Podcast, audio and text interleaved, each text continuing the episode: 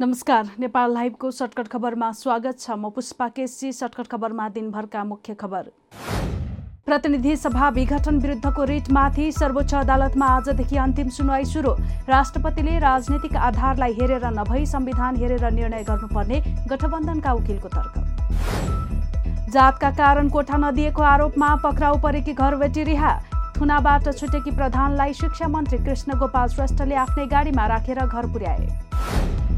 नेपालमा कोरोना संक्रमणबाट थप बाहन्न जनाको मृत्यु दुई हजार चार सय एक्काइस जनामा संक्रमण पुष्टि तीन हजार पाँच सय अन्ठाउन्न जना कोरोना संक्रमण मुक्त सर्वोच्च अदालतको आदेशले महामारी र विपदमा काम गर्न असहज बनाएको प्रधानमन्त्री ओलीको तर्क अदालतबाट आउने फैसला कार्यान्वयन गरेर जाने उल्लेख।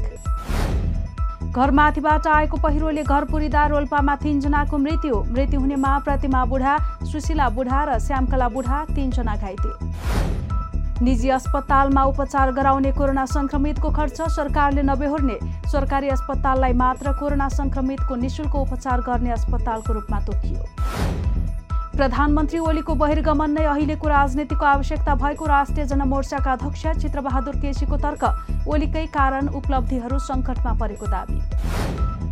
इन्द्रावती र मेलम्ची नदीमा पुनः बाढी। देशका अन्य भागका साना नदीमा आकस्मिक बहाव हुन सक्ने पूर्वानुमान सचेत रहन आग्रह।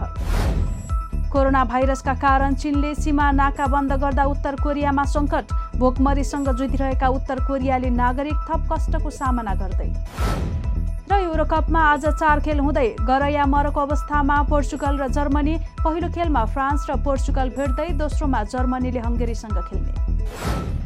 नेपाल लाइभको सर्टकट खबरमा दिनभरका मुख्य खबर आजलाई यति नै। नमस्कार।